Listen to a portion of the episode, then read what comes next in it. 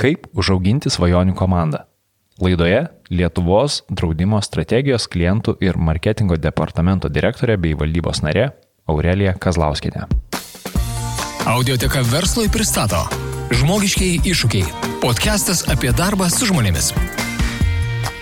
Sveiki gerbėmieji, aš esu Aurimas Mikalauskas ir čia ketvirtoji podcast'o žmogiškiai iššūkiai laida. Ir podcast'e žmogiškiai iššūkiai aš kalbinu įvairaus ligmens įmonių vadovus, direktorius ir įmonių konsultantus apie tai, kaip dirbti su žmonėmis. Tai yra, na, kaip kurti tokią organizaciją, kurią kurtų patys žmonės, kaip sudaryti sąlygas ir netrukdyti jiem aukti ir skleistis. Na, kitaip tariant, kaip kurti tikrą žmonių organizaciją. Ir šiandien pas mane apsilankė viešne, kurią šią temą pakalbinti norėjau jau seniai, kuomet apie podcastą žmogiški iššūkiai dar net nebuvo jokių minčių. Tai labai džiaugiuosi, kad pagaliau turiu pretekstą ir mano laidoje lankosi Aurelija Kazlauskinė. Labas Aurelija. Labas Aurimai. Kaip laikais? Puikiai. Šiandien tokia šalta diena, ar ne? Prasidėjo po truputėlį ta žiema. Ir, ir slidi diena. Ir slidi Taip, diena. Bėjau per gatvę ir galvojau, kaip čia dabar pereiti. Ir vieną kartą nepavyko. Taip, aš ne, nesuskaičiuojamą skaičių avarijų mačiau šiandien ir labai džiaugiuosi, kad nepatekau pats į avariją. Uh, Aurelija, tu su Lietuvos draudimu, jeigu aš teisingai skaičiuoju, jau virš 20 metų. Tiesa? Mažiau. Bet aš, aš mačiau, kad uh, tu 16 metų dirbi jau kaip ir vadovaujantį darbą, ar ne? O, o ar tiesa, kad prieš tai kaip marketingistė dirbai ten? Taip. Lietuvos draudime aš nuo 2000-ųjų. Ok. Ai. Tai dar trūksta vienų metų, geras, to galėsi atšvesti. Tai kaip prasidėjo tavo, nuo ko tu pradėjai ten? Pačiam Lietuvos draudime? Taip, Ar, taip, taip, taip, Lietuvos draudime. Marketingo padalinys buvo. Aha. Nors ir jeigu tokia dar, dar e, intro į tą pradžią, Taip. tai e, dirbau Lietuvos draudimo gyvybės draudime. Ai, ok. Taip. Ir kai atėjau į šią darbovietę iš savo ankstesnės, tai man atrodė, kad nu štai aš jau esu pasiruošusi kažkokį vadovaujamą darbą Ai, dirbti ir okei. labai norėčiau prisimti daugiau atsakomybės, aš Aha. turiu aukštą išsilavinimą ir, o jis buvo susijęs su ekonomikos rytis vadyba, jau kaip ir teorinius visus pagrindus turiu Okei. ir esu pasiruošusi tam. Ir aplikavau į poziciją, kur man buvo tarsi pažadėta, kad turėsi savo pa- pardavėjų komandą ir galėsi jiems vadovauti, o tada tuo metu toks jaunas žmogus, esi galvoju, turėsi savo kabinetą, savo kėdę, jo. paskui automobilis ir visą kitą. Atrodo visai ne tie dalykai, kas turėtų rūpėti. Bet pačioj pradžioj sako, bet tu žinai, paimk ir pabandyk parduoti gyvybės draudimą. Vat pabandy- pabandyk parduoti, parduok, parduok, paskui, kai suprasi, kaip reikia parduoti, tada galėsi susikurti savo kažkokią tai komandą. Ir aš pradėjau pardavinėti gy- gyvybės draudimą. Ir man puikiai sekėsi. O. Bet ką aš dariau, aš taikiau, va taip retrospektyviai žiūrint, rinkodarinės kažkokias tai priemonės. Aš nesiblaškiau po būtus, tuksendama į duris, kad aš noriu kažką tai parduoti. Aš naudojau tuo metu verslo žinias kaip e, pirmą tokį resursą, kuriame tiesiog pasižiūrėdavau, kam aš norėčiau parašyti tikslinį laišką. Mhm. Jį išsiųsdavau. Tuo metu geras. buvo ganėtinai sunku prisibelsti prie įmonės vadovų, nes visą laiką skambutis būdavo pirmą kartą administratoriai, kuri pasakydavo, kad jis neturi laiko arba ji. Ir arba tuo klausimu visai kitas žmogus mm, atsakinėja. O Ok. okay. gyvybės draudimas yra asmeniškas klausimas žmogui. Taip. Ir tai aš taip ir darydavau, išsiųsdavau laišką ir skambindavau administratoriai ir sakydavau, aš noriu kalbėti su vadovu, nes esame pasirašę laišką, yra laiškas Taip. Ir tiesiog sujungdavau ir mes susitikdavom. Geras. Ir paprastai tas O įvykdavo. kaip dabar, prasme, tau, tau buvo toks, kad atėjai tą darbą ir galvojai, na gerai, iš pradžio aš bandau suprasti, kaip čia visi tą daro ir tada galvojai, nu, okei, okay, ko jie nedaro. Ar, vat, kaip? Ne, aš nežinau, kažkaip intuityviai. Paskui, neba, nu, nežinau, dabar galbūt pradėsiu kurti, jeigu pradėsiu taip Okay. okay. detaliai kažką tai pasakoti, nes dabar susijungia viskas su to, kaip reikėtų, kaip dariau. Dar vieną dalyką, kurį pati tada atradau, kad nu, man reikia kažkokios vaizdinės priemonės. Nu, aš nu, turiu kažkaip pasakot, kažką pasitelkti. Okay. Tai tada galvoju, reikia susikurti kažkokius tai bukletus. Ir atsimenu, sukūriau pirmąjį tokį e, rimtesnį, padariau reklamos agentūrų konkursą, tiesiog paklausiau vadovo, galiu aš sukurti kažkokią tai priemonę. Okay. Tai pavyko.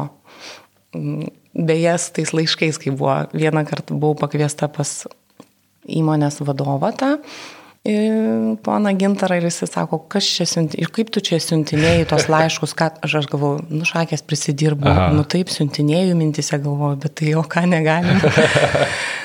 sako, galėtum gal nu, panaudoti visiems. Aha. Galėčiau, galvoju. Nu, ir va taip įsitraukiau. Tavo tiesiog. vadovas, ar ne? Taip. Atė, okay. taip. Geras. Nu, toks buvo klausimas, kokius čia siuntinėjai laiškus. Galvoju, o kaip, o ką negalima, o kodėl. Ir tada sakė, žinai, tu daugiau nebepardavinėsi. Ir aš galvoju, brački, kaip, nu, to, to, o taip gerai gaunasi finansiškai dar ir pardavinėti. Nesako, okay. tu arba pardavinėjai, arba darai kitaip. Kitus okay. dalykus. Bet, bet vis tiek, vat, e, tavo pats ateimas, ar ne, tu jau minėjai, kad nu, buvai baigusi vadybą ir tu jau turėjai norą, ar ne, dirbti su žmonėm. Aš turiu menį, kaip ir tau pasakė, kad, nu, tu pardavinėsi, bet iš tikrųjų tavo jau noras buvo, kad aš ateisiu, čia jau turėsiu savo komandą, bursiu savo pardavėjus, ar ne? Taip, aš norėjau, aš turėjau tiek drąsos, bet žinių nulis. Mhm. Ir gerai, kad niek, ir tai neišmintingi žmonės, kurie priima į darbą ir turi daugiau patirties ir supranta, kad žmogus nepasiruošęs nei ką. Taip, taip. Tikrai net ne, nebūčiau žinojus, ką reikėtų daryti. Nors nebūtinai reikia viską žinoti. Vieną kartą akcininkas e, Lietuvos draudimo iš e, Didžiosios karalystės, vienas toks iš lyderių, yra pasakęs, atsiminkit, kad nu, kai pasirodo kažkokia galimybė, net nesitikėkite, kad ir neieškokite savyje, kad būsite šimta procentų jai pasiruošę, sukaupęs visas kompetencijas ir panašiai.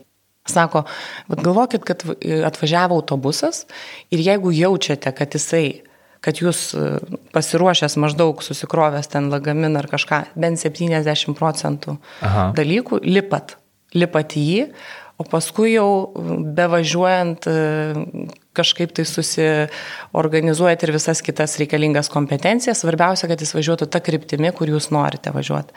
Ir iš tikrųjų, taip kartais, kai reikia daryti sprendimus, Mhm. Kai vat, pasirodo kažkokia netgi karjeros galimybė, į kurią tu jauti, kad norėtum pretenduoti, bet gal dar ne dabar, gal dar reikėtų truputį Taip. pasimokyti, gal dar, dar metus kitus. Niekada nėra tas laikas Taip. visiškai idealiai tinkamas. Taip. Taip. E, gerai, tai dabar tu pradedi pardavinėti, ar ne, ir tau puikiai sekasi.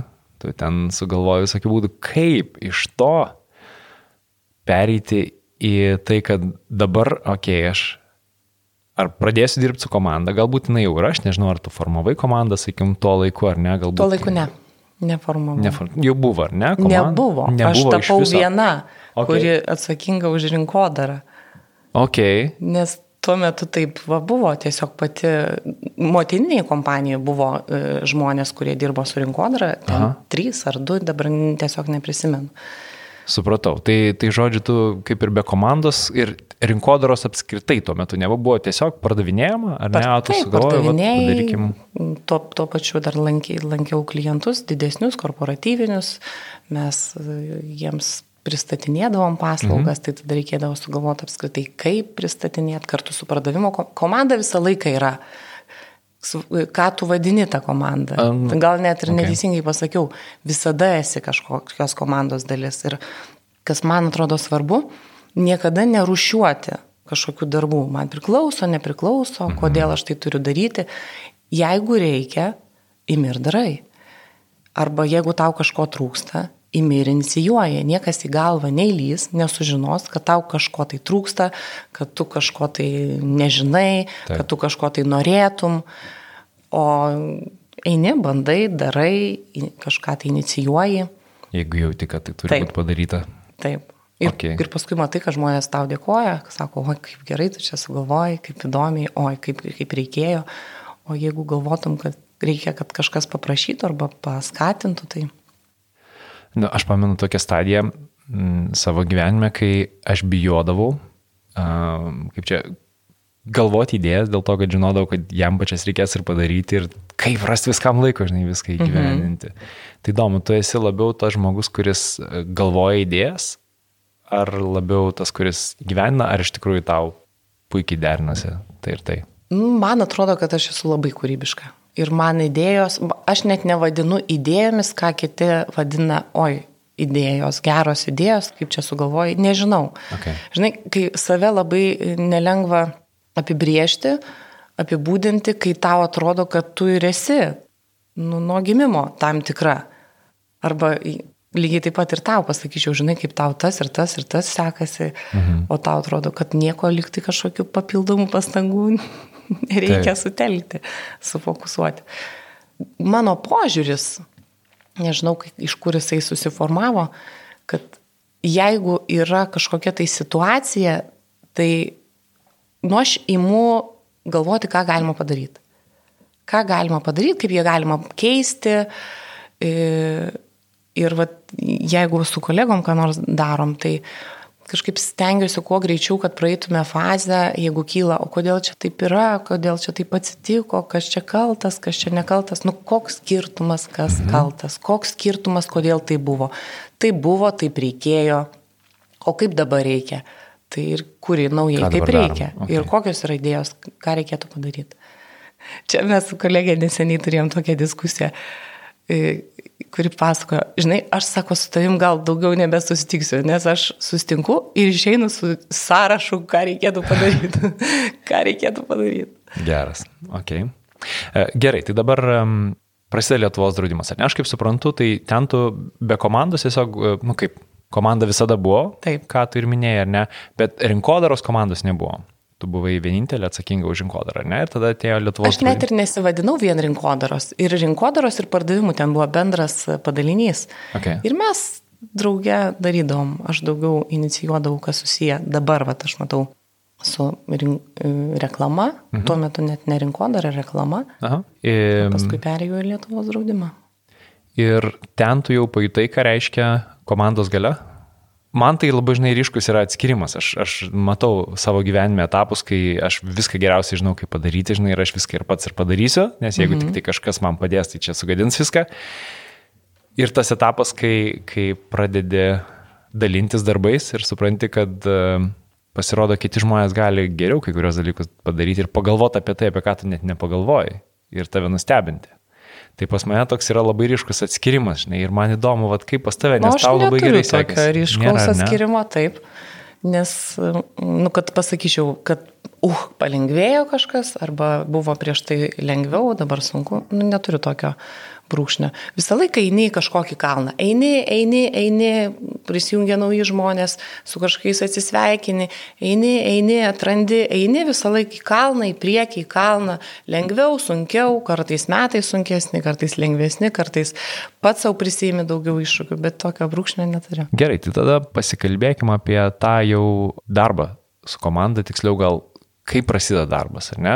Kaip prasideda komandos formavimas.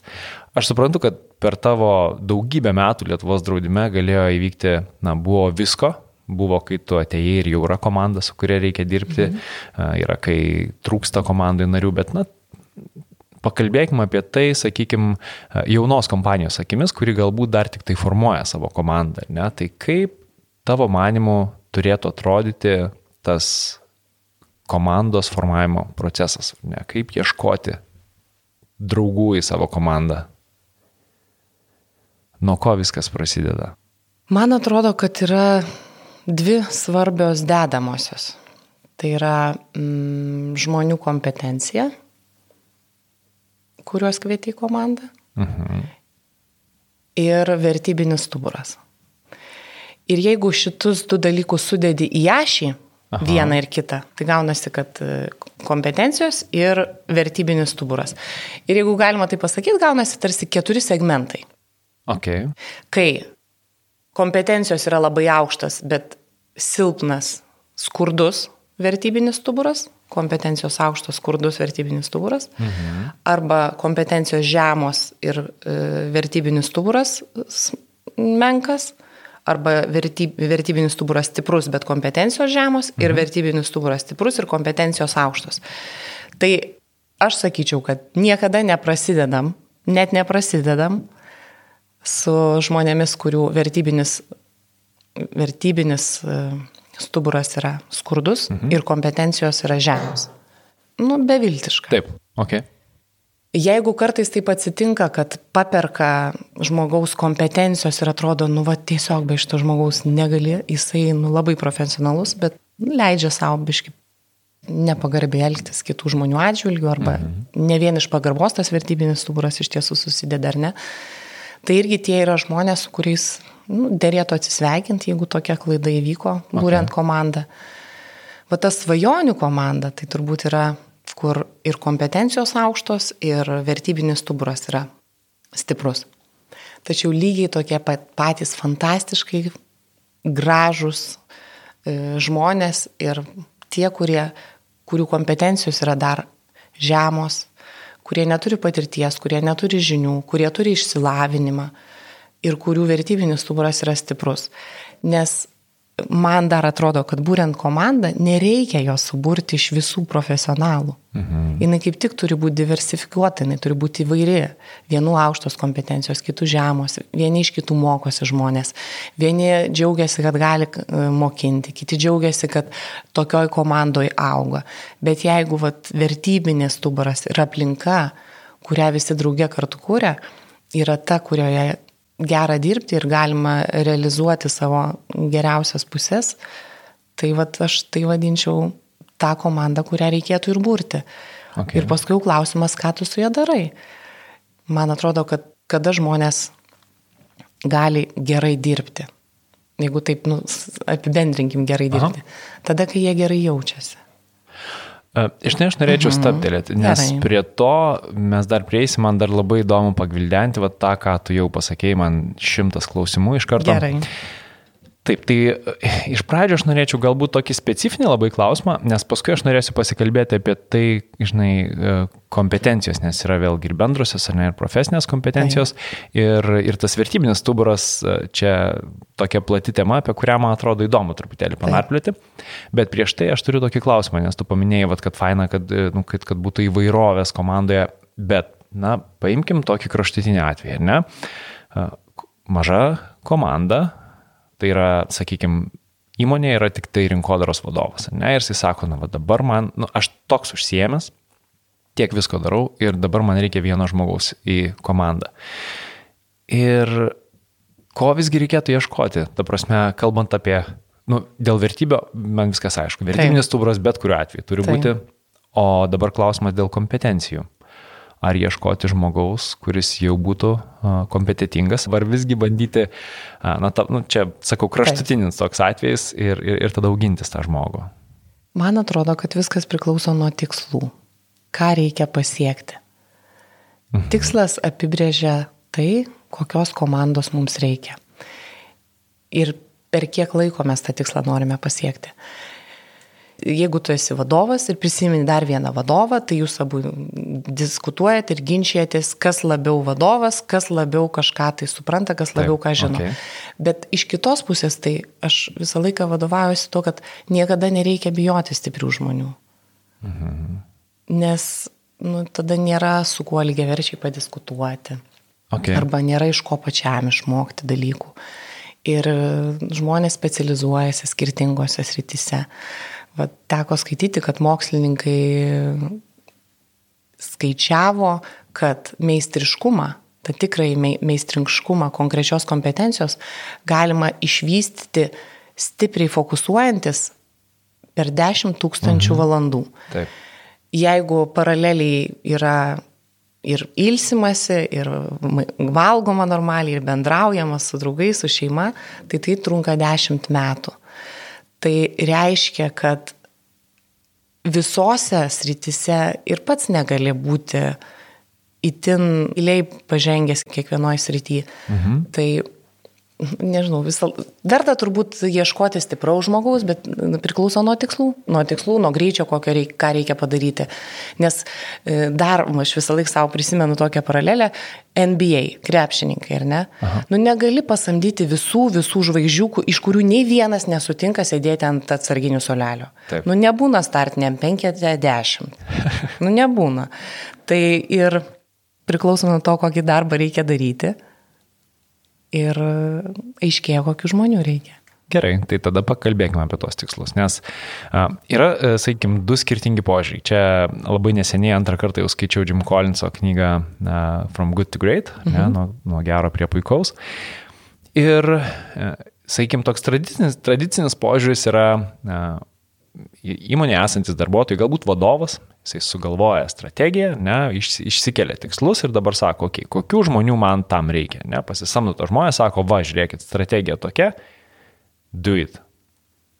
Kitas variantas yra, kai tu suburi komandą žmonių, su kuriais tau, na, kurių vertybinis stuburas mhm. stiprus ar ne, kurių galbūt nu, pakankamai aukštos kompetencijos, bet čia jau labai slidu dėl to, kad, kaip tu minėjai, tai priklauso nuo to, kokie tikslai ar ne, Taip. kokių kompetencijų tau reikia. Bet tu susirenki tą komandą ir tada juos suburi į vieną vietą ir, ir sakai, Hebra, ką darom? Man atrodo, kad jie neteis. Neteis, kodėl? O kaip juos pakviesti?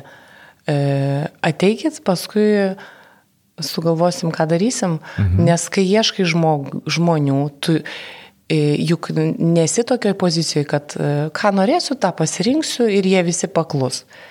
Dabar tu jį dar turi įtikinti, kad e, ta komanda ir tu kaip vadovas yra, esate tai, dėl ko verta kitam žmogui prisijungti. Mhm. Ir tu taip pat turi save parduoti, jeigu taip galima pasakyti, ir pasakyti, kad šitoj komandai, šitoj įmoniai tu galėsi atsiskleisti, tu gausi tam tikrus įgaliojimus. Mes siekiame, mūsų ten galbūt yra tiek ir tiek, mes siekiame nueiti ten ir ten ir ne žmogus renkasi. Jisai renkasi, kur jisai nori dirbti, ar jis nori čia dirbti, ar jis nori kitur dirbti.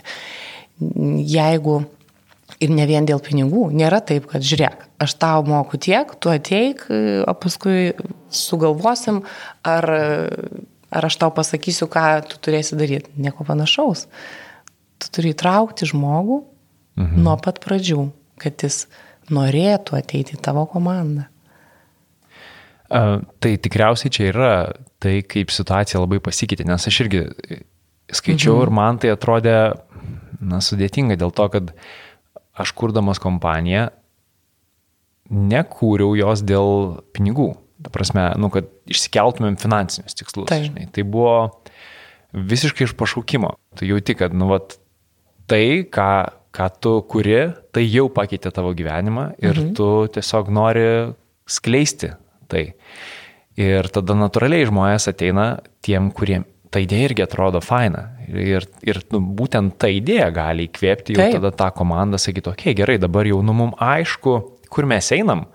Nebūtinai tai yra tikslai aiškus, ne? ir tą tikslus jau galim galbūt ir su komanda dėliotis, bet bent jau ta kryptis ta, ta tokia aiškia. Ne? Tai va, idėja, va, prieš tai tu nep, nepaminėjai, kad idėja yra, mhm. kad ateikit ir sugalvosim, ką daryti. E, tai ne taip ateikit, o tu turi idėją ir Aha. ta idėja gali būti tokia įkvepianti ir tokia stipri, kad žmonės tiesiog jaučia jos potencialą, jinai kvepuoja vat, kažkuo, kas e, nuskraidina, mhm. kur norisi prisijungti Taip. ir būti to dalimi, nu, būti to pradžia e, ir, ir tinka bendras matymas su žmogum, kuris kviečia Vieni nori galbūt labiau stipraus vedimo, kiti nori daugiau laisvės, daugiau galiojimų, daugiau inovuoti. Vienas nori, kad neklystų vadovas, kiti, kiti sako, kad to tu, tu klysk ir mes tada mokinsimės. Tai okay. įkvepia ir paskatina prisijungti idėją, jeigu nėra konkrečių va, tikslų. Mhm Nes tada matai iš pokalbio su žmogum, kad hm, mes patys ir išsikelsim ir vieni nori prisimti tokią atsakomybę ir gali, kad aš pats išsikelsiu, aš pats pasieksiu, o kiti nori labiau, nu jūs tada man pasakykit, kokie ten iššūkiai, kokie ten maždaug tikslai, aš pagalvosiu. Okay. Ir, ir vieni, ir kiti yra Puikiai nu, tinkantis. Taip, taip, priklausomai nuo to, ko, ko reikia. Kartais reikia kartu su kažkuo prisėsti ir sugalvoti tikslus. Mhm. Tai tada kaip ir nereikia dar vieno tikslų galvotojo.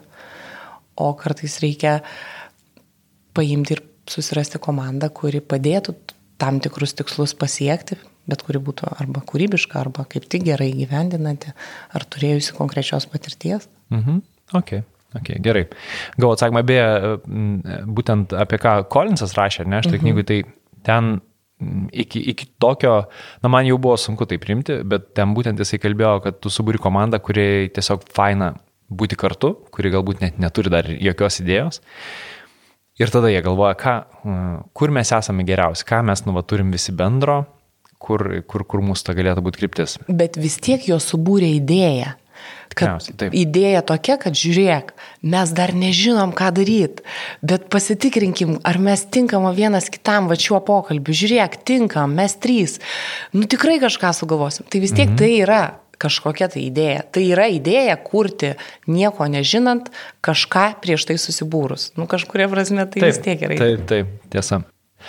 Gerai, tai tada dabar grįžkim truputėlį apie ką tai jau kalbėjai, ar ne, mhm. apie, apie tuos keturis apie tą kvadrantą, ar ne, jeigu galima pavadinti. Ir tu ką paminėjai, ar ne, tai kompetencijos ir vertybinis stuburas. Tai dabar gal pradžiai tada apie tai, kas yra key, tai yra tas vertybinis stuburas. Ką reiškia tvirtas vertybinis stuburas? Man tai reiškia, tai yra nu, rinkinys e, dalykų, kuris apibūdina, kaip žmogus žiūri į kitą žmogų, mhm. kaip žmogus žiūri į darbą, kaip žmogus žiūri į, į kažkokią neapi, į neapibrieštą situaciją, kaip jisai tvarkosi su, e, su kažkokiais tai sunkumais. E, ar jis yra padedantis, ar jisai daugiau reikalaujantis e, iš pradžių gauti aš net, net neturiu savo įsivardinusi, kad va, yra štai šitie punktai ir va, aš juos dešimt metų tikrinu ir čia košiu, ar jie turi ar neturi. Tu tiesiog jauti iš pokalbio vieno kito, jeigu per pokalbį nepavyksta, o netyčia ateina dirb žmogus, vis tiek pajauti per pirmą ketvirtį, per, per kelis mėnesius, ar ta, kaip jisai žmogus žiūri į tą darbą, kad ai, nu va čia paimkim, padarykim, pagal, nu, čia neparodysim, mhm. nepamatys, nu, aš ten kažkaip išsisukau. Tai anksčiau ar vėliau taip atsitinka, kad tu esi toj pozicijai, kuriam ai neparodykim, prieš kurį ai išsisukim kažkaip tai. Tai mm, žmogus kalbėdamas paprastai apie tai, ką veikia savo gyvenime, tai, ką veikia apskritai darbė, tai, ko nori, tai, kaip jisai, ką jis duoda draugų savo ra, ratui, šeimai, tai ir nusako, kokiomis vertybėmis remiantis jisai gyvena, o negali pasirinkti va, tų kažkokių trijų ir va, e, žiūrėti jisai toks ar anoks. Mhm. Nu, va, labai sudėtinga pasakyti, bet nu, va, jeigu jis yra e, pastoviai kaltinantis, nu tai kas iš to? Mhm. Nu, nu gerai, nu kas kaltas, dabar dar galim dvi valandas pašnekėti, kas kaltas. Nu ir ką? Nu Taip. ir suradom kaltą, ką dabar su juo darom? Nu ir kas? Taip susiklosti aplinkybės, kad taip atsitiko, bet mes turim tokią situaciją, ką darom? Ką darom kitaip? Ir man atrodo, kad apskritai gyvenimas yra apie tai, kad mes gyvenam tarsi iš to, ką gaunam iš kitų, bet, bet mums labai svarbu, ką mes duodam. Duodami vat, ne, ne, ne, nesiekdami iš karto gauti kažką atgal, vat, ir sukuri daug daugiau, realizuoji savęs daug daugiau, negu prieš tai galvodamas, o kas man iš to? Nu, vat, kai pradedi, kas man iš to, tai tada niekur nesigauna, nes iš pradžių tarsi esi reikalaujančiai pozicijai. Mhm. Ir, ir man kartais liūdna, kai tarp jaunų žmonių ateinančių į darbo rinką yra tokių, kurie iš pradžių nori gauti. Gauti, gauti tokio darbo aš ne, ne, aš nedirbsiu, čia yra, aš norėčiau, kažko aš norėčiau, mhm. aš pažiūrėčiau, tai tu iš pradžių, nu, pabandyk duoti kažką tai organizacijai, kuri tave įvertintų, kuri... Aš dažnai klausiu žmogaus, nes juk kiekvienas naujas žmogus ateinantis į komandą, jis atneša savimi kažką. Atneša savimi. Mhm. O taip atsidaro duris, ir įeina žmogus, kuris jau įėjęs pakeitė prieš tai buvusią kultūrą, Taip. pakeitė prieš tai buvusi kažkokį standartą, jeigu jis buvo nesąmoningai susiformavęs. Ir jeigu jisai, išklausiu, ką tu apskritai duodi kitai žmonėms, grupiai, koks tavo poveikis yra. Tai labai gerai, kai mes sąmoningai, galime įsivardinti. Vat aš paprastai, arba siekiu bent jau O kai žmogus negali net pasakyti, žinau, nežinau, tai jau pasako, kad man nelabai ir svarbu. Tai jeigu tau nesvarbu tie, su kuriais tu dirbi, mhm. tai tikėtina, kad tu ir būsi toks tai kažkoks tai vienas vilkas, o jeigu stiprybė komandoje, tai reikia bendradarbiaujančių. Reikia, kad tas žmogus, kuris daro savo darbą tam tikroje atkarpoje, jį ne tik gerai padarytų, bet va tas kaip ar ne, tas vertybinis Aha. stuburas, jis kaip tinka priimtų užduoti, kaip tinka perduotų, gavęs kažkokį tai klausimą, atsakytų taip, kad žinotų, o kaip aš norėčiau, kad man atsakytų. Ne tik mhm. kažkokiais trumpiniais, ten savo profesiniais e, kažkokiais išsireiškimais ir taip pasatydamas kitą žmogų į poziciją, o tu ką nežinai, Nu, nebūtinai aš turiu žinoti viską, ką tu žinai.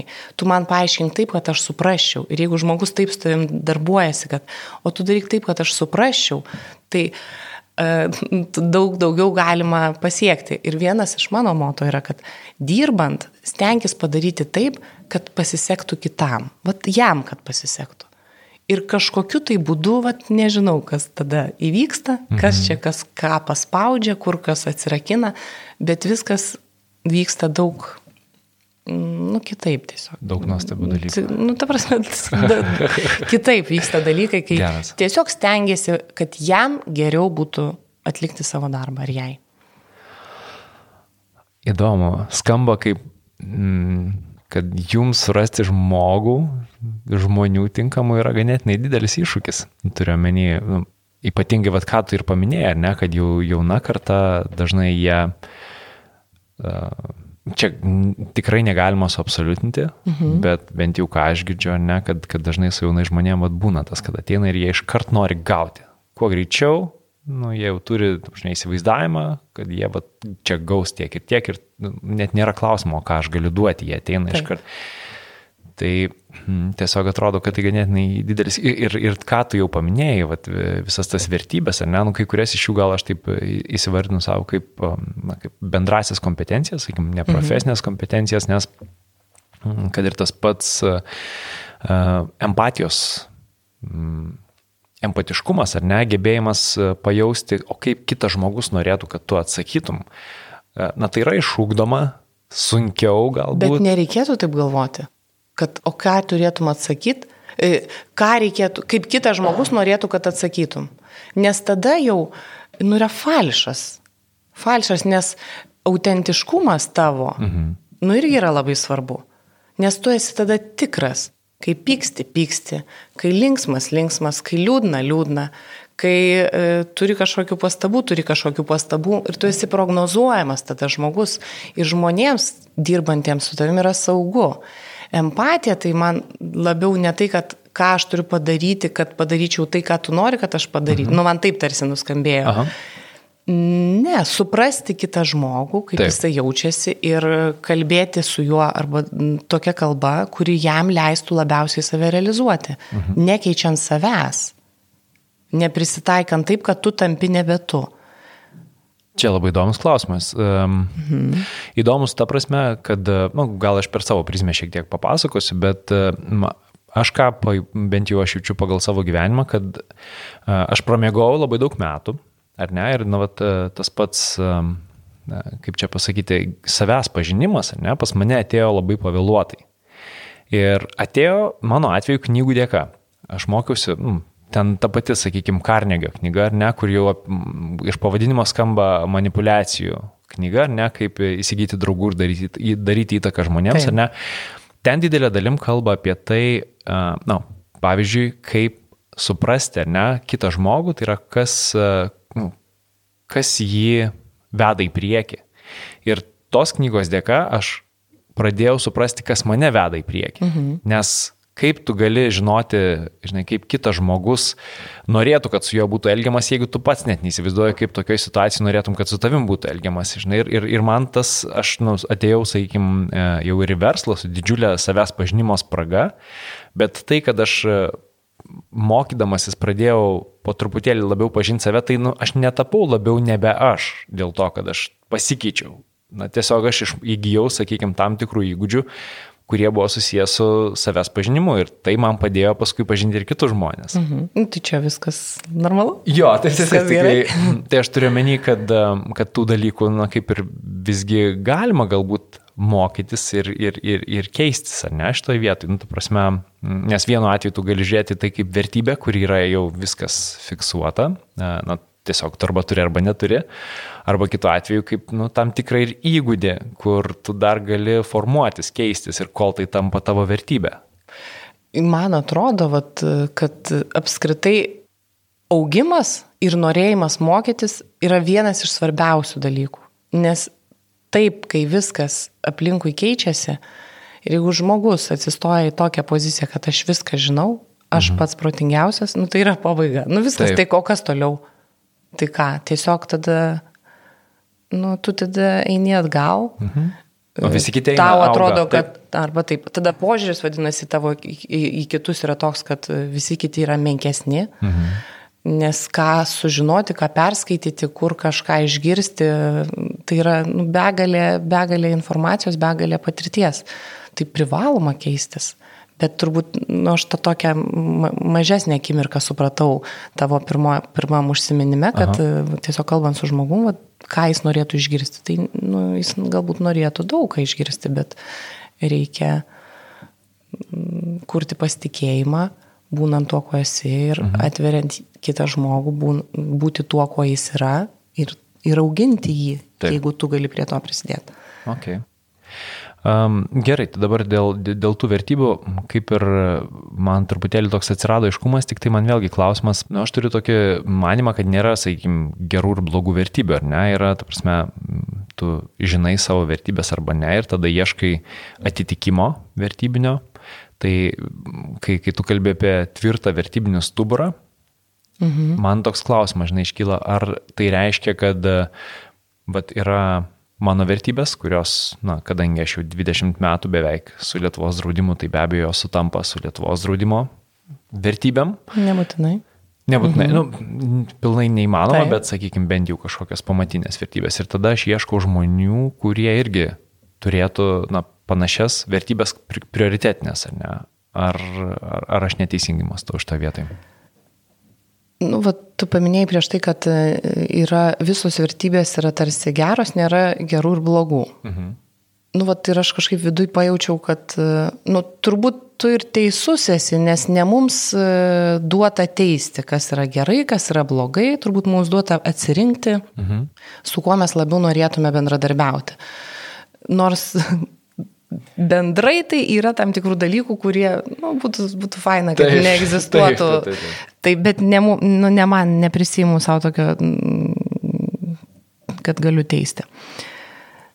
Kalbant apie tokią organizaciją, kurioje yra tūkstantis žmonių, arba daugiau, arba šiek tiek mažiau, tai aš nesakyčiau, kad įmanoma pasiekti tokį lygį, kad organizacijos vertybės pradeda sutapti su kiekvieno jos nario vertybėmis mhm. ant tiek, kiek jis ten bedirbtų - 5, 10 ar daugiau ar mažiau metų.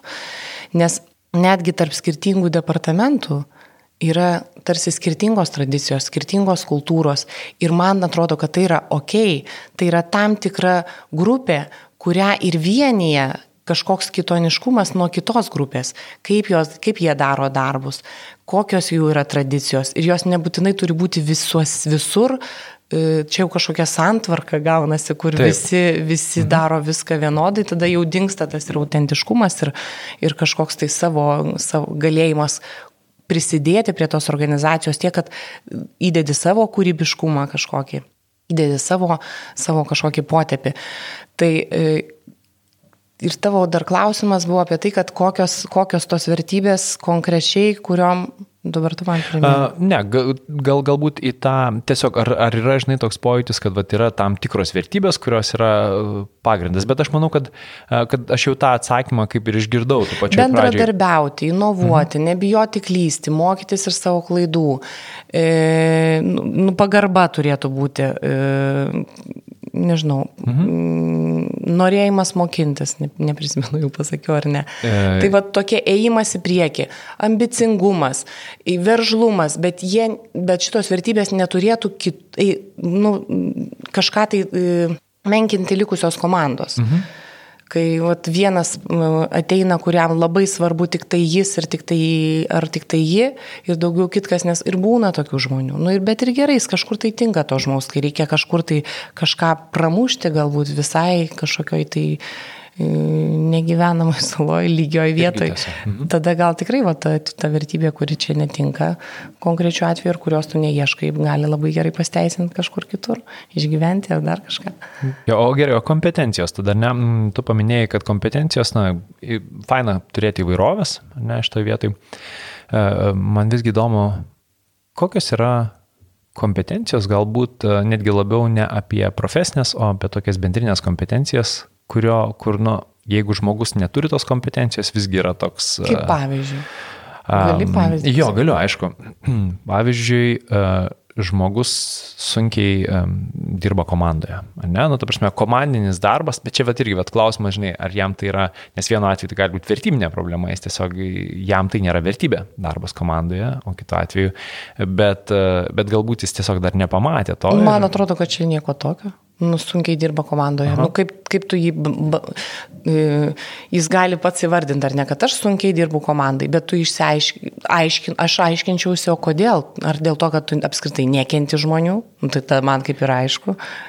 Ar tu tiesiog, nu, nežinau, man sunkiai sekasi, aš ten tada iš pokalbio pamatai potencialą, kur tas žmogus gali užaukti. Mhm. Nes tada galima jo klausti, o tu ar nori dirbti komandoje? Noriu. Nu, tai vad žmogus norėtų dėti pastangas, išmokti. Bet jeigu jis sakytų, ne, aš nenoriu, aš, mhm. nu, man tiesiog aš negaliu, aš, nu, tai jeigu reikia kažkokio darbo, kur žmogus taip izoliuotai save įsivaizduoja ir net nenori su nieko bendradarbiauti, gal jis kažkam ir tiktų. Bet man atrodo, čia joks netrūkumas. Okay, pateiksi. jeigu žmogus, mhm. vat, pateik. Jo, kitą pavyzdį tiesiog Gerai. noriu. Uh, disciplinuotumas, na, savidisciplina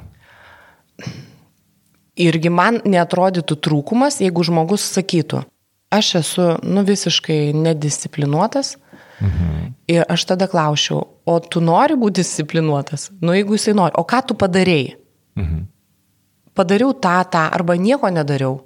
Kodėl tu nieko nedarėjai? Tai kaip prisikasi prie žmogaus noro, tai jis ar nori apskritai tapti kažko, ar nori vystyti savo discipl gebėjimą disciplinuotis, mhm. man atrodo, kad apskritai nėra neįmanomų dalykų. Nu, tikrai nėra, aš taip tikiu. Jei reikia tik tai susitarimo su savim. Jeigu tu nori kažkur nueiti, tikrai nori ir sakai, aš noriu. Mhm. Ir jeigu yra šalia tave žmonių, kurie klausia, ar aš tau galiu padėti, arba kuo aš tau galiu padėti, ir ir žmogus priima tą pagalbą, tai jis ir nueis tenais. Viskas priklauso nuo žmogaus. Kaip sako, aš negaliu kažko tai padaryti. Tu ne negali. Tu nenori. Nes vos tik tai tu pradedi norėti, tu mhm. viską gali. Tu viską gali išmokti, pasikeisti, suprasti, gilintis, Tai tau, žodžiu, per darbo pokalbį, jeigu tu įvestum mane, tau reikėtų tiesiog įrodyti, kad aš tikrai noriu. Ne? Nes tai, kad pasakytų žmogus nori, tai aišku, kad jis nori. Nu, mes visą laiką norim. Bet reikėtų įrodyti tikriausiai, ne, kažkaip, kad... Taip. Ir, ir e, ne tai, kad mes darydavo, mes, bet ką konkrečiai tu padarėjai. Nes jeigu tu turi va tokį, sakai, stiprų norą, ką tu padarėjai. Tai jeigu žmogus nieko nedarė, tai gal jis nelabai nori. Mhm. Na nu, gerai, bet to tarkim toks atvejis būtų, kai žmogus ateina ir jis neiš, neiš, neišreiškia to, kad jisai nedisciplinuotas, nes, nu, tai gali ir, žinai, eigoje paaiškėti, bet, nu, tu žiūri žmogaus, gal net išsivytai nesimatys, ne, Taip. bet jisai, tu su juo kalbinu, tu jauti, kad toks daro ir nedadaro, nu, vat pritrūksta kažko ir, ir jis neišsakys, kad aš nedisciplinuotas, bet pas tave atsiras toks pojūtis. Tai jis aišku, kad ir neturės noro tapti labiau disciplinuotas dėl to, kad e, jis nežino, kad jisai nedisciplinuotas, galbūt. Bet vat, ar, ar tau tokiu atveju tai būtų jau ženklas, kad kažkas ne taip? Nebūtų, nebūtų, nes uh, aš manau, kad uh, tobulų žmonių nėra. Ir mes neturime ateiti paruošti ir gatavi į kažkokią tai komandą. Jau išbaigti iki pabaigos. Mes e, joje ir mokomės, ir augame, ir ją kūriame, ir papildome, ir keičiame, ir keičiamės. Tai yra gyvas organizmas, darbas yra gyvenimas, mhm. dalis gyvenimo, labai reikšminga jo dalis. Ir jeigu pamatai pirmo pokalbio, ar ten antro, ar trečio, arba da, darbę su žmogum, kad yra dalykų, kurie trukdo jam pačiam atlikti darbą, tai aišku, reflektuoji su juo, kalbi, o tau netrodo, kad, tu, kad to ir toj vietoj yra dalykų, kuriuos pats norėtum keisti arba pabandyti kažkaip tai kitaip. Mhm.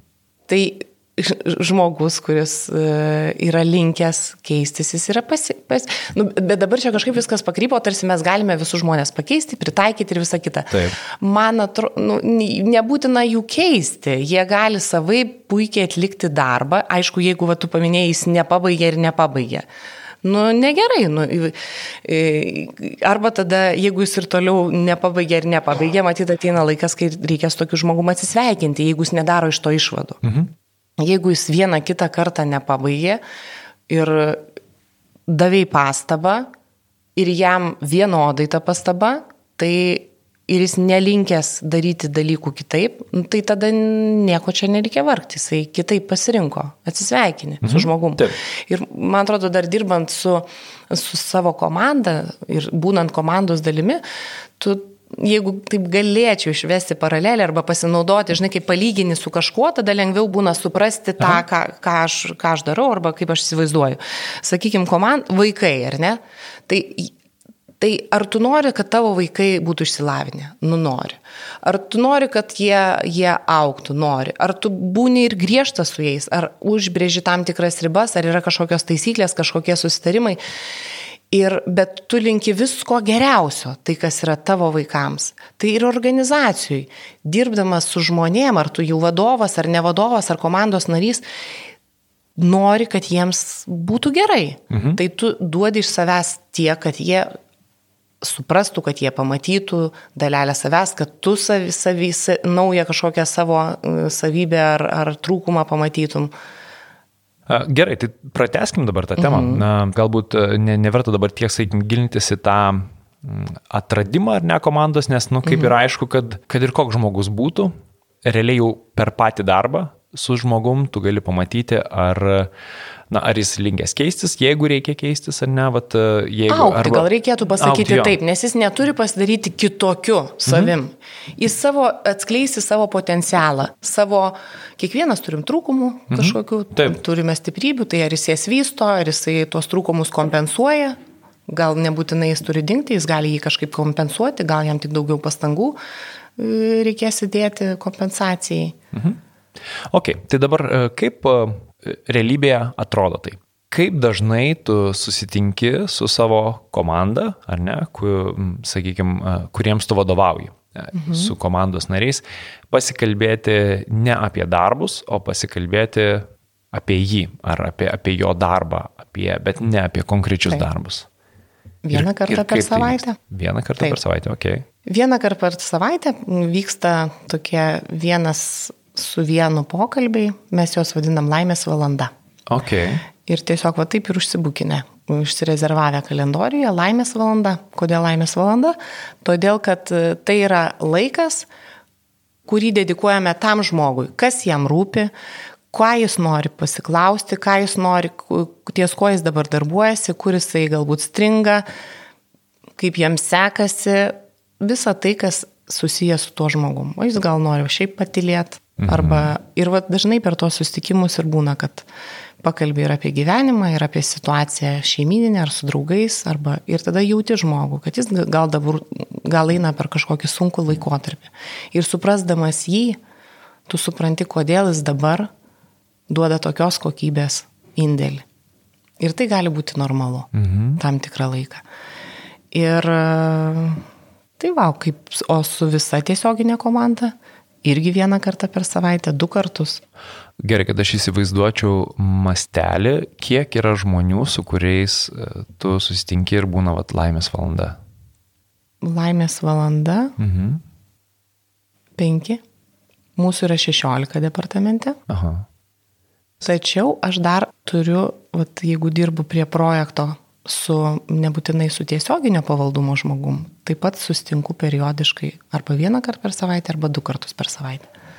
Kompanijos mastu tai vyksta, ar tai yra tavo komanda, tavo, sakykime, ta artimoji komanda, su kuria tu aktyviausiai dirbi?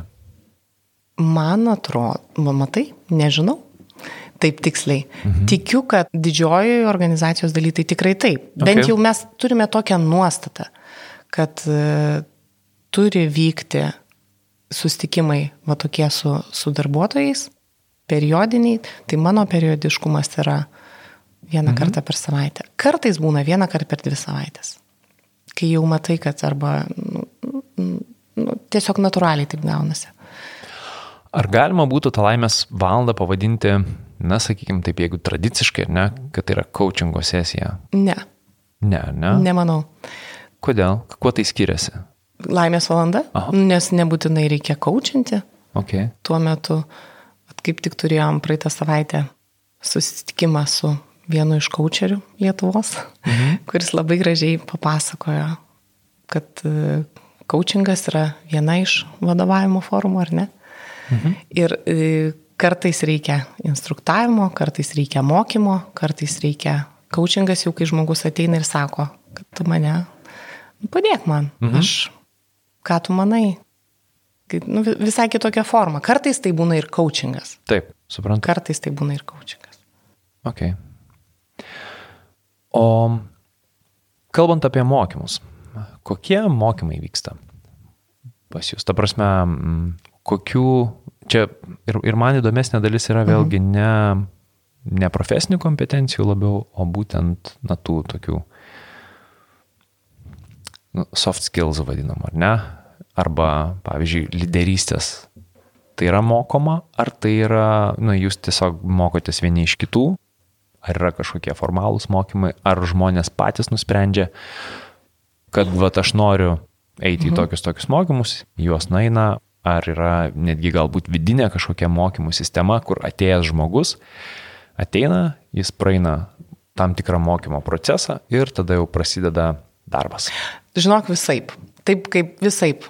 Bet e, pradėsiu galbūt, e, ką aš turiu mintį sakydama visai, kad mhm. taip kartais ateina žmogus ir tu matai, kad jeigu jisai, pavyzdžiui, yra tam tikro projekto, e, produkto vadovas, nu, tai jis turi daug išmokti apie tą produktą, tai jis mhm. tiesiog mokosi apie tą produktą, gilinasi į rinkos situaciją, į pačias. Tai, bet mano požiūris į mokymus yra koks.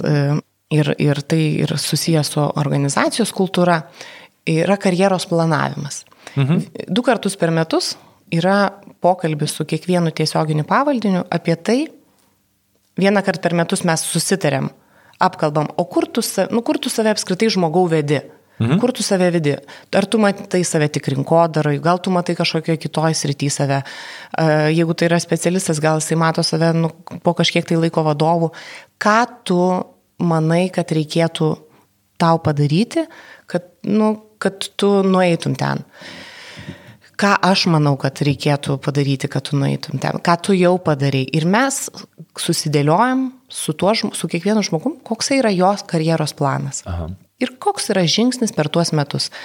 Ir, lab, ir net nelabai dažnai, o praktiškai visada, tas karjeros planas yra pagrindinis indikatorius, kokiu mokymu tam žmogui reikia. Mhm.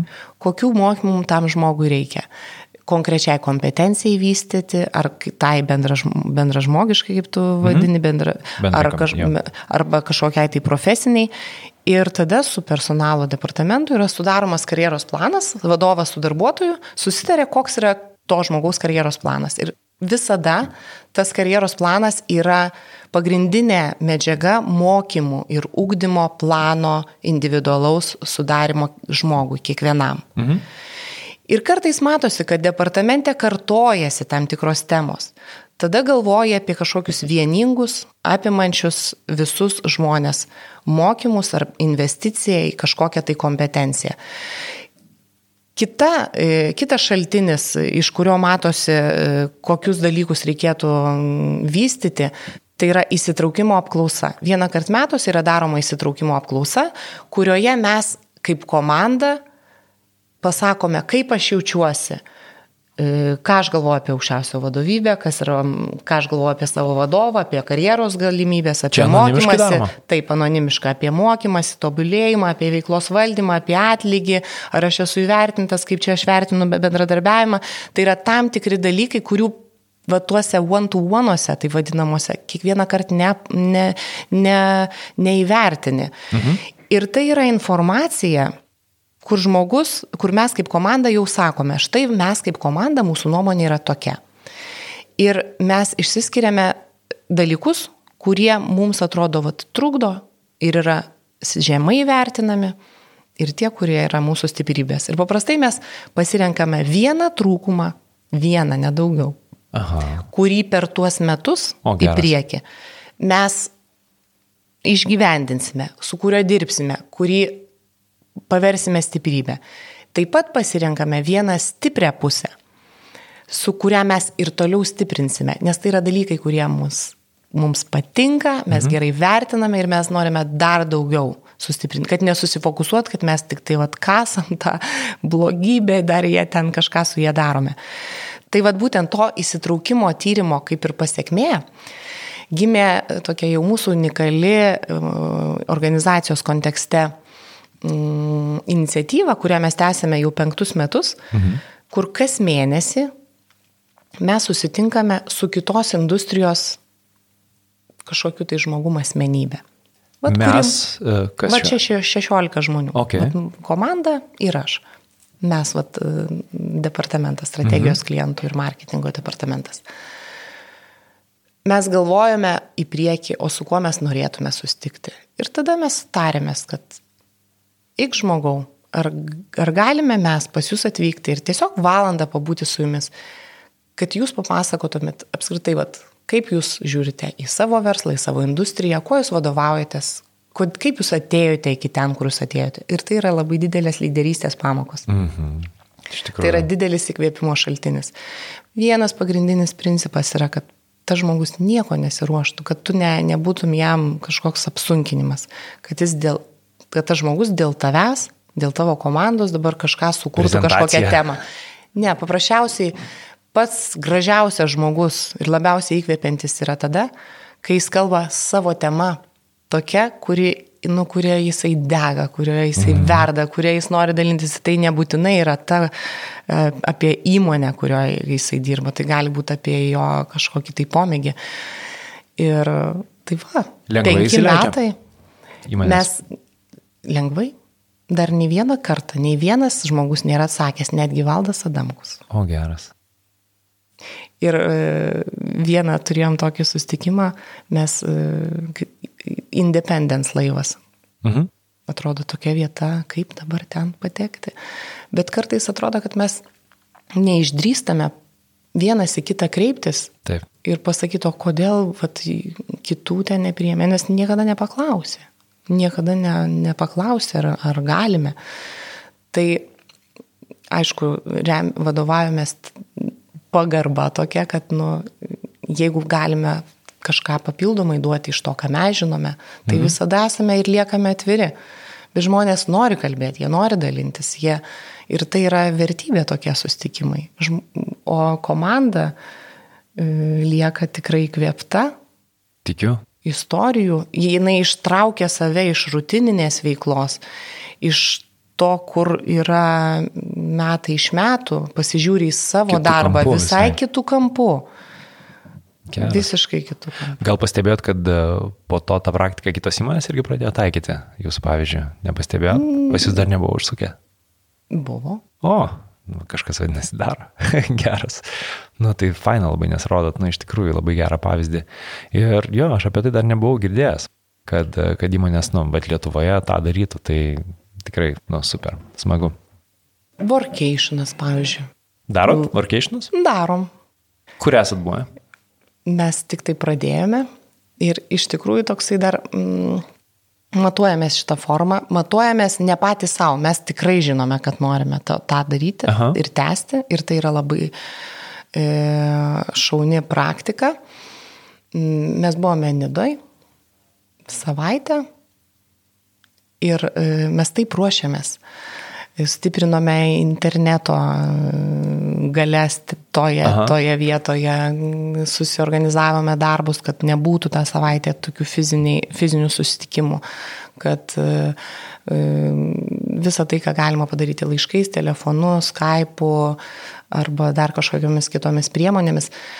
Tačiau vat, man vis lieka klausimas, o kaip organizacijoje tada?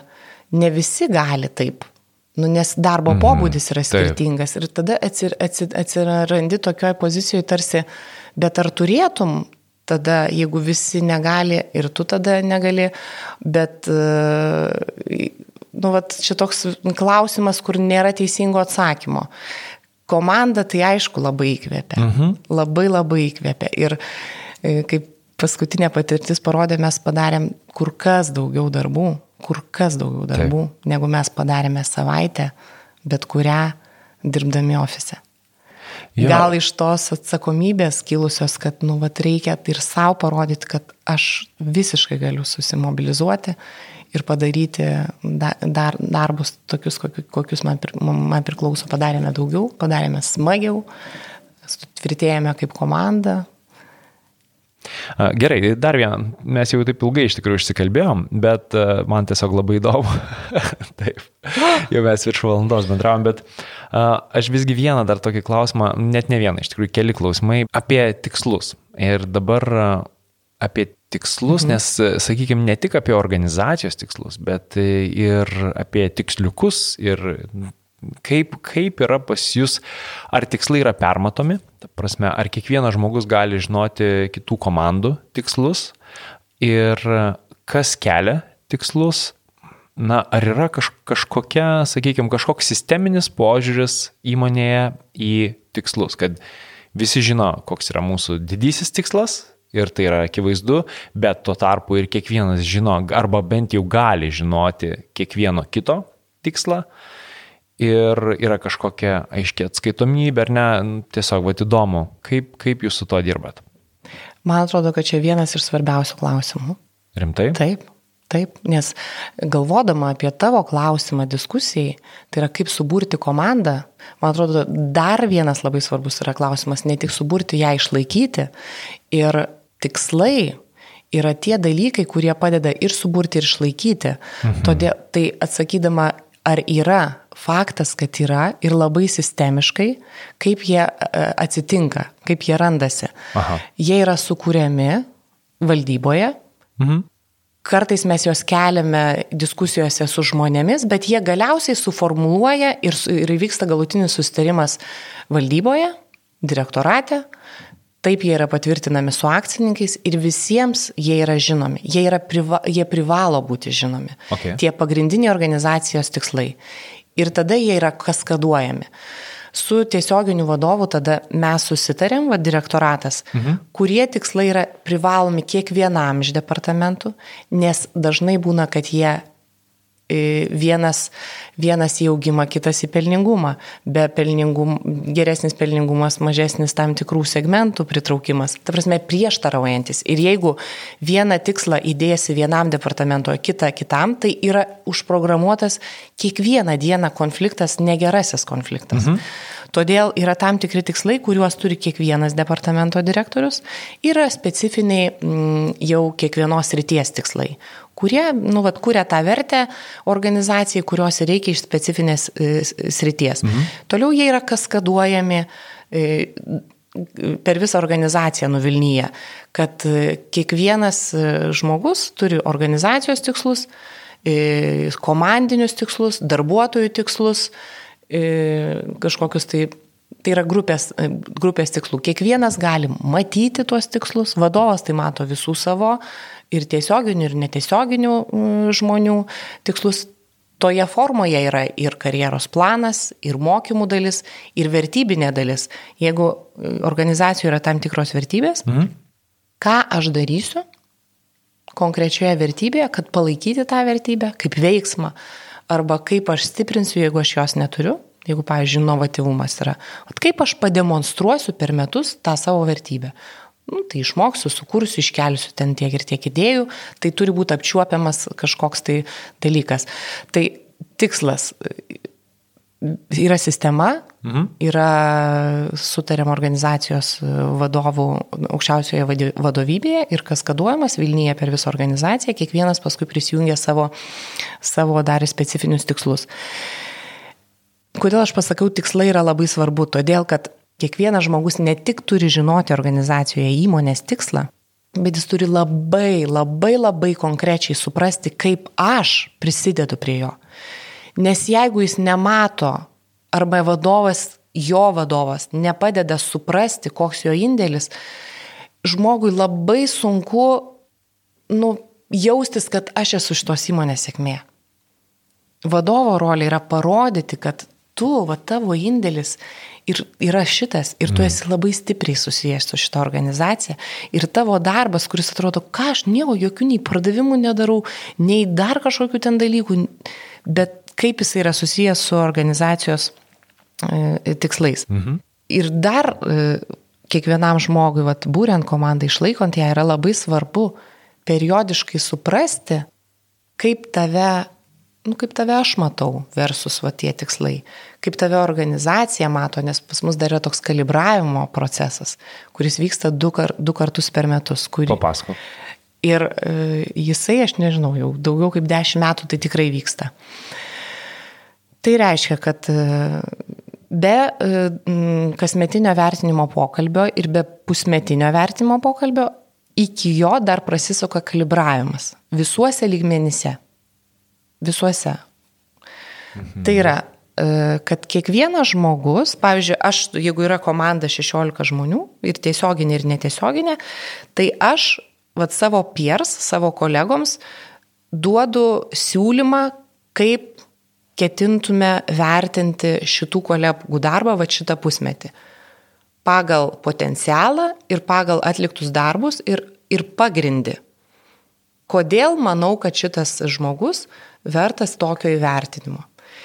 Ir tada tu pamatai dar žmogaus kitą perspektyvą, nes kiti yra atėję, susirinkę informaciją iš savo komandų ir sako, nu va ir čia tu nebūtinai iki galo matai tą žmogų, nes dar labai sekėsi bendradarbiauti čia, čia tas žmogus tikrai mums padėjo ten ir ten ir tada tu pagalvoji, o, jį reikia pakelti jo įvertinimą. Aha. Arba e, tada, arba būna tokiu atveju, kai vertini labai aukštai žmogų, nes jisai ir tą nuveikė, ir visus savo tikslus pasiekė, o likę devyni departamentai sako, su šitu žmogum yra labai sunku dirbti.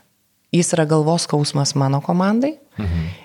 Ir tada tu galvoji, ką dabar daryti. Nes realiai tu turi grįžti pas tą žmogų ir pasakyti, kad su tavim labai sunku dirbti.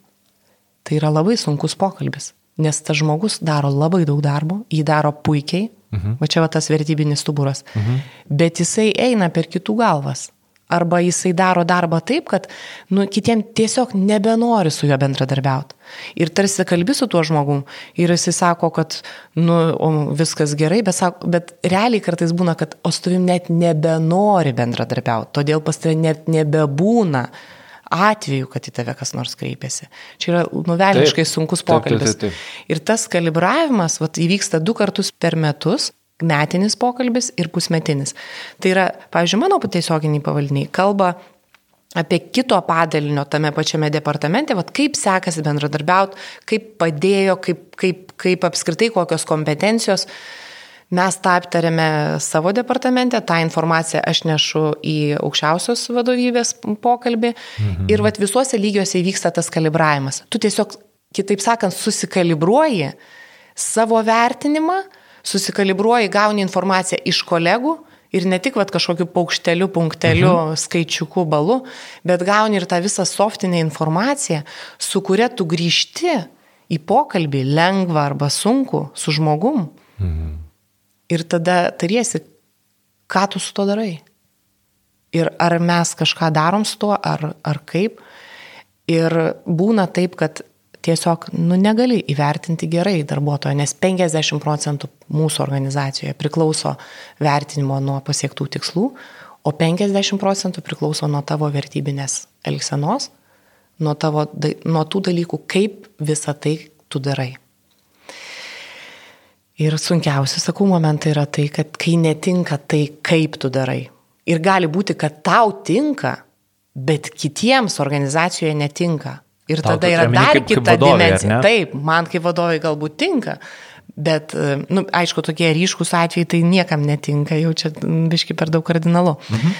Tai va tas kalibravimo procesas irgi labai svarbu žmogui suprasti, ne tik kaip aš pasiekiu kažkokius tikslus, ką mano vadovas apie mane mano, ką mano kolegos artimiausi mano, bet kaip mane organizacija mato. Ir įsivaizduoji, koksai galingas mechanizmas užsisuka organizacijoje, kuri kultūriškai tai daro ketur, keliolika metų.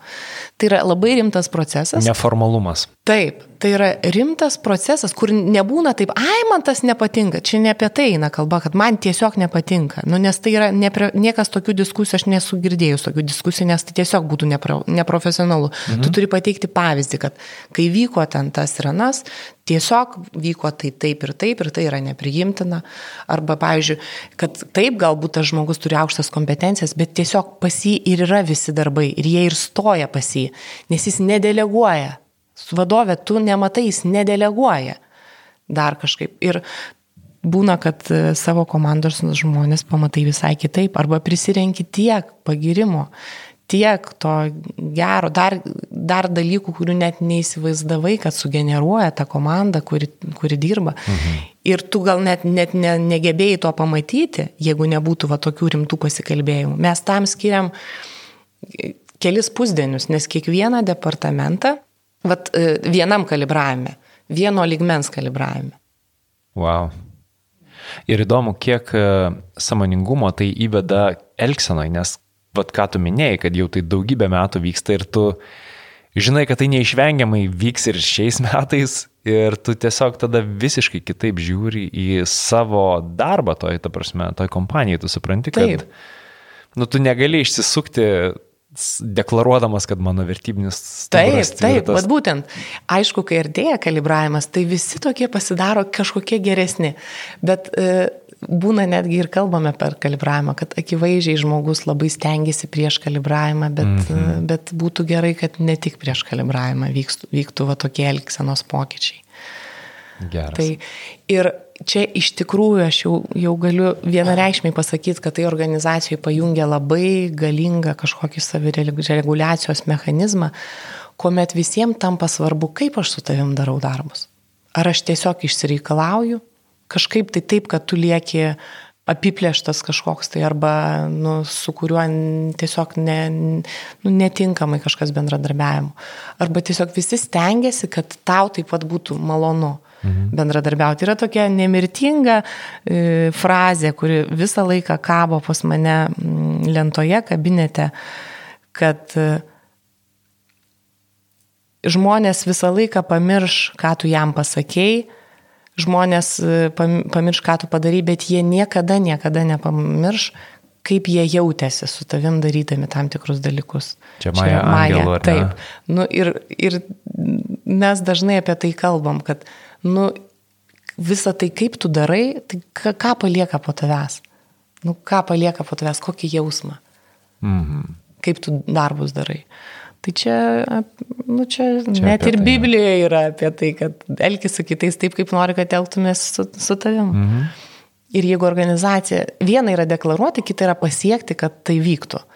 Ir e, kartais mes atsakome, kad organizacijos konkurencinis pranašumas, ten toks yra noks, bet man atrodo, kad ku- kultūra, ar tai būtų įmonė iš trijų žmonių, ar tai įmonė iš tūkstančio žmonių, ar šimto žmonių, kultūra viena yra iš tų labiausiai dėmesio vertų investicijų ir e, sričių, kuriomis organizacijoje reikia rimtai rūpintis.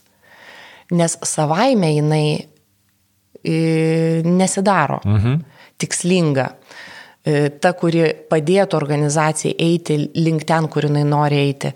Savaime žmonės neįsikvėpia, nors mes dažnai norime arba girdime ne vaikų darželis. Nu taip, ne vaikų darželis, bet tai nereiškia, kad jie patys žmonės kryptingai m, mm, kažkur tai nori eiti. Net net geranoriškai, nu tiesiog nepavyksta. Tai turi būti ir hardiniai tam tikri dalykai, nežinau kaip pasakyti, ir tie softiniai. Tai mhm. Pagrindas ir pamatas tai yra tiek tikslai komandos sukūrimui, subūrimui, tiek e, augim, atlyginimas, kad žmogus jaustųsi, kad man yra sistemiškai mokamas sąžiningas atlyginimas ir yra skaidri sistema kaip dažnai jisai keliamas, kaip jis yra peržiūromas, kokia yra strategija, į ką mes lygiuojamės. Ar, nes jeigu žmogus neduok Dievę pagauna, kad ką, o tai ką reikėjo paprašyti, o tai ką tu dėrėjai, tai yra jau nebe, nebėra sistemos, tai yra chaosas, tai yra kažkokie laukiniai vakarai.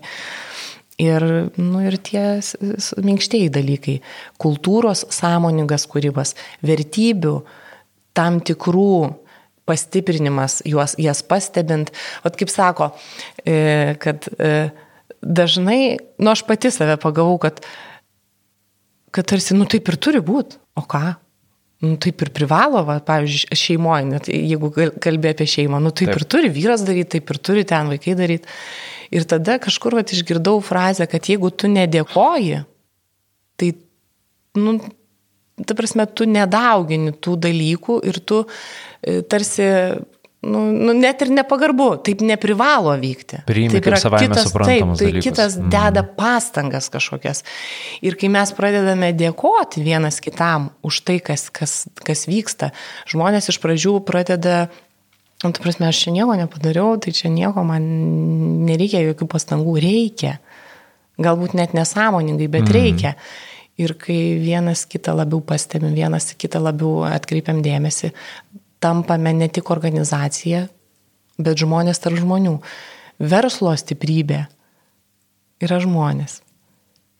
Santykiai tarp žmonių. Mm. Ką mes į juos įdedam, taip mums ir pavyksta tos tikslus pasiekti. Ir mano didžioji darbo dalis yra susijusi, kaip aš galiu pasirūpinti komandą.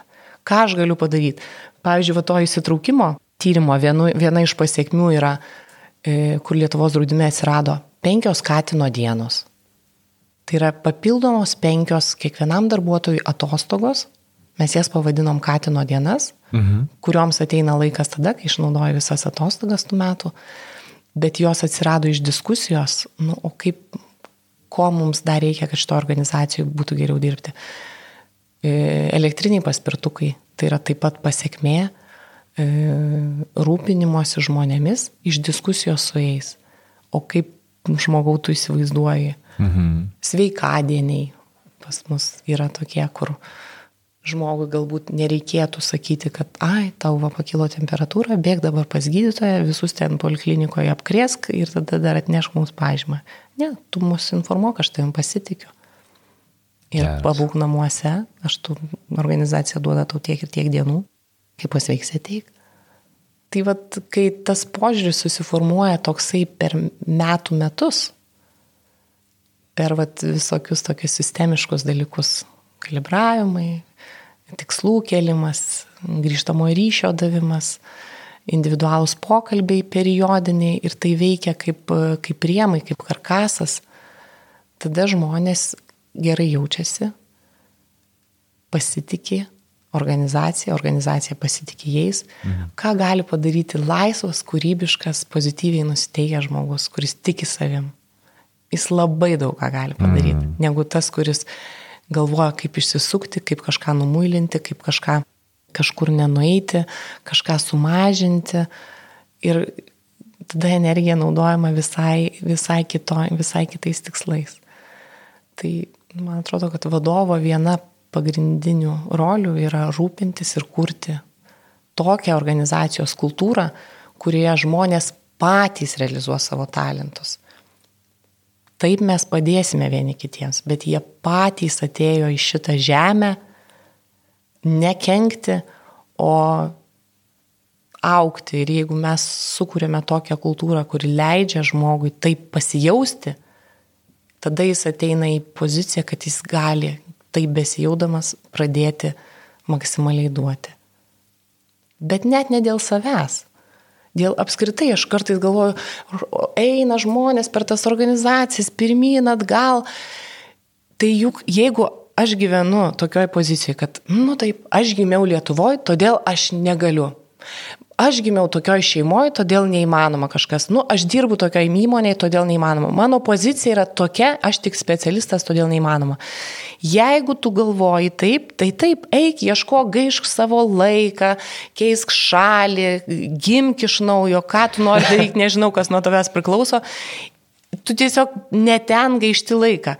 Jeigu tu žiūri į pasaulį taip, kad ką aš apskritai noriu padaryti, ką aš noriu pasiekti ir aš telkiu visas įmanomas priemonės tiems dalykams daryti ir organizacija pati atsiveria, jinai leidžia daryti, jinai džiaugiasi, jinai suteikia įgaliojimus, jinai, bet žmonės tada nu, joje pradeda laisvai realizuoti save ir laisvai kurti, nes nebūtina iš tikrųjų mm. ieškoti kažkokios tai laimės už šalies ribų ar dar kažkur, jinai visą laiką yra čia pat.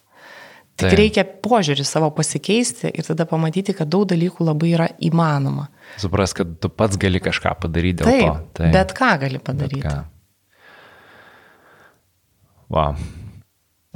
Aš taip, žinai, turiu dar krūvą klausimų, bet galvoju, kad norisi va šitą mintim ir, ir, ir gal į, į pabaigą jau mūsų laidą atves, nes tikrai pats užsinorėjau dirbti dabar Lietuvos draudime po tavo šitos kalbos. Kaip fain. Tikrai.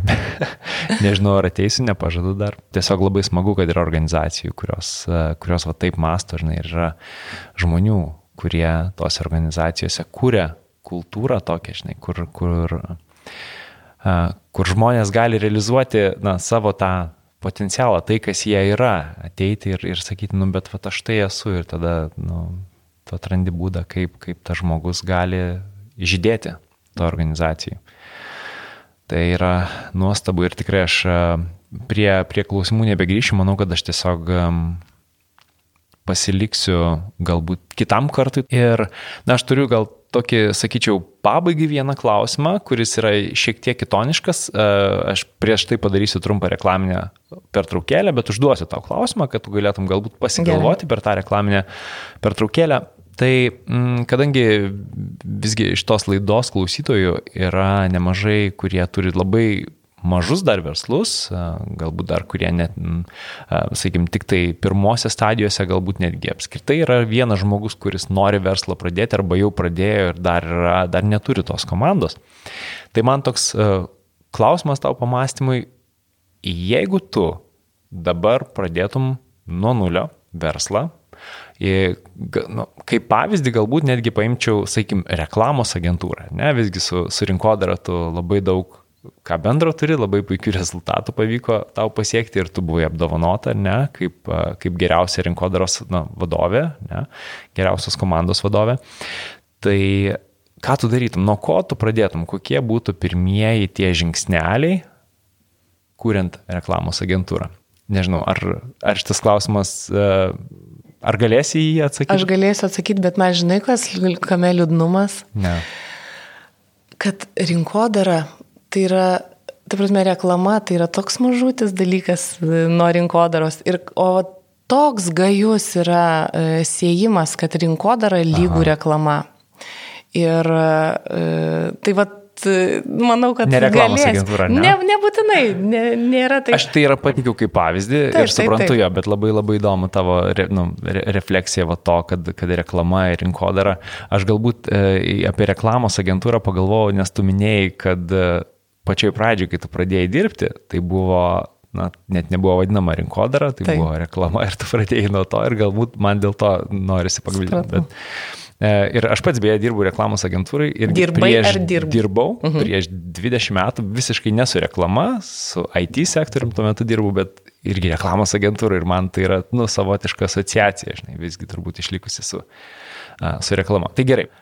Tiesiog, vat, pabandysim tą pavyzdį tuomet pagvildenti, bet dabar padarom tada trumpą, trumpą pertraukėlę ir grįžtam po jos atsakyti šitą klausimą. Podcastą pristato Audioteka verslui. Nuolatinio tobulėjimo kultūra jūsų organizacijoje. Dauguma įmonių Lietuvoje šiandien jau labai garsiai kalba apie tobulėjimo svarbą ir ne tik profesinio tobulėjimo, kas buvo svarbu visais laikais, bet ir asmeninio tobulėjimo, na, nes būtent augantis, tobulėjantis žmogus yra motivuotas, įsitraukęs, jisai žino, kaip svarbu keltis tikslus, kaip jų siekti ir na, stengtis visoje savo veikloje išvelgti prasme. Ir knygos yra nuostabi tobulėjimo priemonė, bet šiais laikais sunku rasti laiko knygai, o na, dažnai visą dieną praleidus prie kompiuterio, na, norisi iš tikrųjų duoti akims pailsėti. Ir audio knyga čia yra tikras išsigelbėjimas, na, kadangi audio knygos gali klausyti bet kur. Pakeliu į darbą, tarp susitikimų, sportuodamas, medžiodamas šunį ar na, galiausiai prieš miegą. Ir jeigu dar netradote audio knygos, kaip tobulėjimo priemonės e, ar na, tiesiog kaip grožinės galbūt pasimėgavimo priemonės, tai kviečiu apsilankyti adresu audioteka verslui.lt, na, kur galėsit sužinoti, kaip audio knygos e, gali tapti ir nuolatinio tobulėjimo įrankiu jūsų organizacijoje ir aišku jūsų pačių gyvenime. Tai dar trumpas klausimėlis Aurelija tau, ar tu randi laiko knygoms? Randu, taip. Miegot mažai, apskritai Rimtai. sukurta gyvenime. Mėgsti būna taip, kad paimi įdomią knygą ir negali. Taip, mėgoti, ir, ir tada vieną valandą pamėgi ir eini į darbą. O Dieve, man taip nėra buvę, prisipažinsiu. Aš, pas mane tikriausiai yra asociacija susiformavusi, kad knyga prieš miegą, tai vadinasi, paskaitau ir einu miegoti ir valdą aš jau beskaitydamas pradedu. Tikrai? Taip. Ir, ir, na, galbūt dėl to, kad vėlgi dauguma knygų, kurias aš skaitau, yra tokios profesinės, na, arba asmeninio tobulėjimo knygos ir ir jos savo turinį ne visada taip įtraukia, kad tu taip ir norėtum sužinoti, žinai, kaip įdomu, kad filmą žiūrėtum, tai, tai gal ne, tiesiog dėl, dėl to. Nu, būna lėtos knygos, kur reikia sustoti, pagalvoti, va, tos asmeninio augimo, pergalvoti. Mhm. O audio knygos dar netradai? Netradau, žinok, niekaip neįsivaizduoju, aš tokia nelabai žinočiau, kur jas reikėtų įsidėti, susinstaliuoti ir dar kažką padaryti. Nu, aš labiau skaitau knygas, man patinka jų kvapas, man patinka mhm. jas versti, e, liesti. Netgi elektroninės knygos man mažiau patinka negu gyva knyga. Tai gal aš neturiu kada tų audio knygų klausyti arba neįsivaizduoju, kur jie, ne, nepabandžiau, mhm. nes iki darbo man važiuoti yra, nežinau, keturios minutės, tai klausimas man aš dar kartais keliu, kodėl aš važiuoju, bet kadangi kartais reikia nuvežti vaikus. Ja. Tai o šiaip važiuoti dėl to, kad klausyti audio knygą arba atvažiuoti anksčiau į darbą ir klausyti ją, nežinau, ne, tai aš nesupratau. Tai yra labai labai priklauso nuo situacijos. Taip. taip, aš netradau, kur jas man reikėtų klausyti. Na, aš galiu papasakoti, mes e, rytais su sunum važiuojam mažiausiai pusę valandos. Mhm. Ir mes e, šiuo metu, nežinau, mes jau kiek turbūt ketvirtą audio knygą klausom mhm. dviesi, nes jisai anksčiau būdavo labai, na, vis dar yra didžiulis knygų mėgėjas, bet dabar jau atradom ir audio knygą ir mes taip gerai praleidžiam laiką ryte, klausydami dviese kažkokios įdomios knygos, kad tai būna, na, tiesiog mes tam tikrą tokį bendrą kontekstą siriam, bet čia tikrai labai priklauso. Aš paskui pusvalandį po darbų turiu važiuoti namo, tai aš tada pasiklausau audio knygos dažniausiai, kuri man gal, galbūt įdomesnė, sakykime, arba aktualesnė. Ir aš labai daug bėgioju. Dabar nebebėgioju, dabar kol kas turiu tokią traumą, tai nebėgioju, bet vienu metu aš bėgiodavau kiekvieną dieną mažiausiai pusę valandos. Ir, A, ir tada klausai. Taip, tai būdavo. Ir ypatingai, man labiausiai įsiminė iš tikrųjų tas etapas, kai aš ruošiausi maratonui. Ir tuo metu aš bėgiodavau nuo per savaitę, nu, tiksliau, kasdien bėgdavau bent valandą, kartais dvi valandas, savaitgaliais tris valandas ryte bėgdavau. Ir tai būdavo va, toks laikas, kai per savaitgalį būdavo knyga, gali perskaityti vien bėgiodamas, ruoždamasis maratonui. Ir tada net nesupranti, kad bėgai, ar ne? Ta prasme, ne, ne taip gal net ir pavargsti. Aš ja. man Ne, nesubėgus maratoną negaliu nieko pasakyti. Čia yra irgi labai, kaip čia pasakyti, vieni žmonės mėgsta, na, bėgiojimas jiem yra nuotykis ir jie bėgioja visokiausiai netrastais keliais. Aš, kadangi man knygos yra įdomu, tai aš tada bėgioju jau savo žinomą trasą ir tiesiog žinau tiksliai, kiek ratų reikia apibėgti, kad nubėgčiau 30 km, tai aš ten. Tai gal tu galėsi parekomenduoti man knygą, vat, kurią patiko tau su sunum klausyti mhm. ir aš mielai pabandyčiau tą pirmą klausimą padaryti drauge ir gal aš užsikabinsiu. Gerai. Sutarta. E, tvarka, tai dabar norėčiau dar, kad atsakytum visgi į tą klausimą. Nuo ko tu pradėtum? Nuo ko pradėčiau, jeigu steigčiau agentūrą ar šiaip kažkokią įmonę? Tai aš nueičiau bent pas dešimt potencialių klientų ir pakalbėčiau apie tai, kaip jiems sekasi dirbti su reklamos agentūrom. Geras. Ką jie gauna, kaip išpildytą lūkestį, kuo jie yra nepatenkinti tam, kad aš susivokčiau, kur yra toj rinkoje galimybės. Tada matydama kažkokį tai potencialą, kažkokio, kažkokios tai Nes aš neįsivaizduoju tai kaip proveržio kažkokio padaryti, sukurti didelę komandą ir tada buh. Ja. Nes Lietuva yra per maža šalis, man atrodo, yra pakankamai prisotinta rinka reklamos e, teikėjų mhm. paslaugos. Todėl pirm, pirmieji žingsniai būtų tiesiog susipažinti, pakalbėti ir galbūt paskui tai įsiverstų visai net ne į reklamos agentūrą, o į kažkokias papildomas rankas marketingo komandoms, kaip e, periodiniai kažkokie projektų vykdymai, konsultavimai ar dar kažkas. Aš save puikiai matau ir e, darbuose su studentais, skaitant jiem paskaitas. Apskritai manau, kad ir man gera duoti dalį savo laiko tiesiog dėl to, kad žmogus ir aš pati save nusakau ne tuo, ką pavyko pasiekti, ar dar pavyks pasiekti, bet kiek man pavyksta duoti be naudos kažkokios tai savo. Nu, tiesiog duoti, jeigu kažkam tai reikia. Ir jeigu kažkas gali dėl to tapti geriausią savo versiją, nors žiupsnelį pasiemęs, mm. nu, mhm. tai man yra, tai yra, tai yra prasme ir džiaugsmų džiaugsmas. Geras, ir aš tai girdžiu jau per visą mūsų pokalbį, kad tai yra viena iš tokių e, pamatinių vertybių tiek tavo gyvenime, tiek, vat, nu, tu kaip ir tau gera dirbti su žmonėm, kuriems tai irgi yra tokia pat vertybė, ne? Turbūt.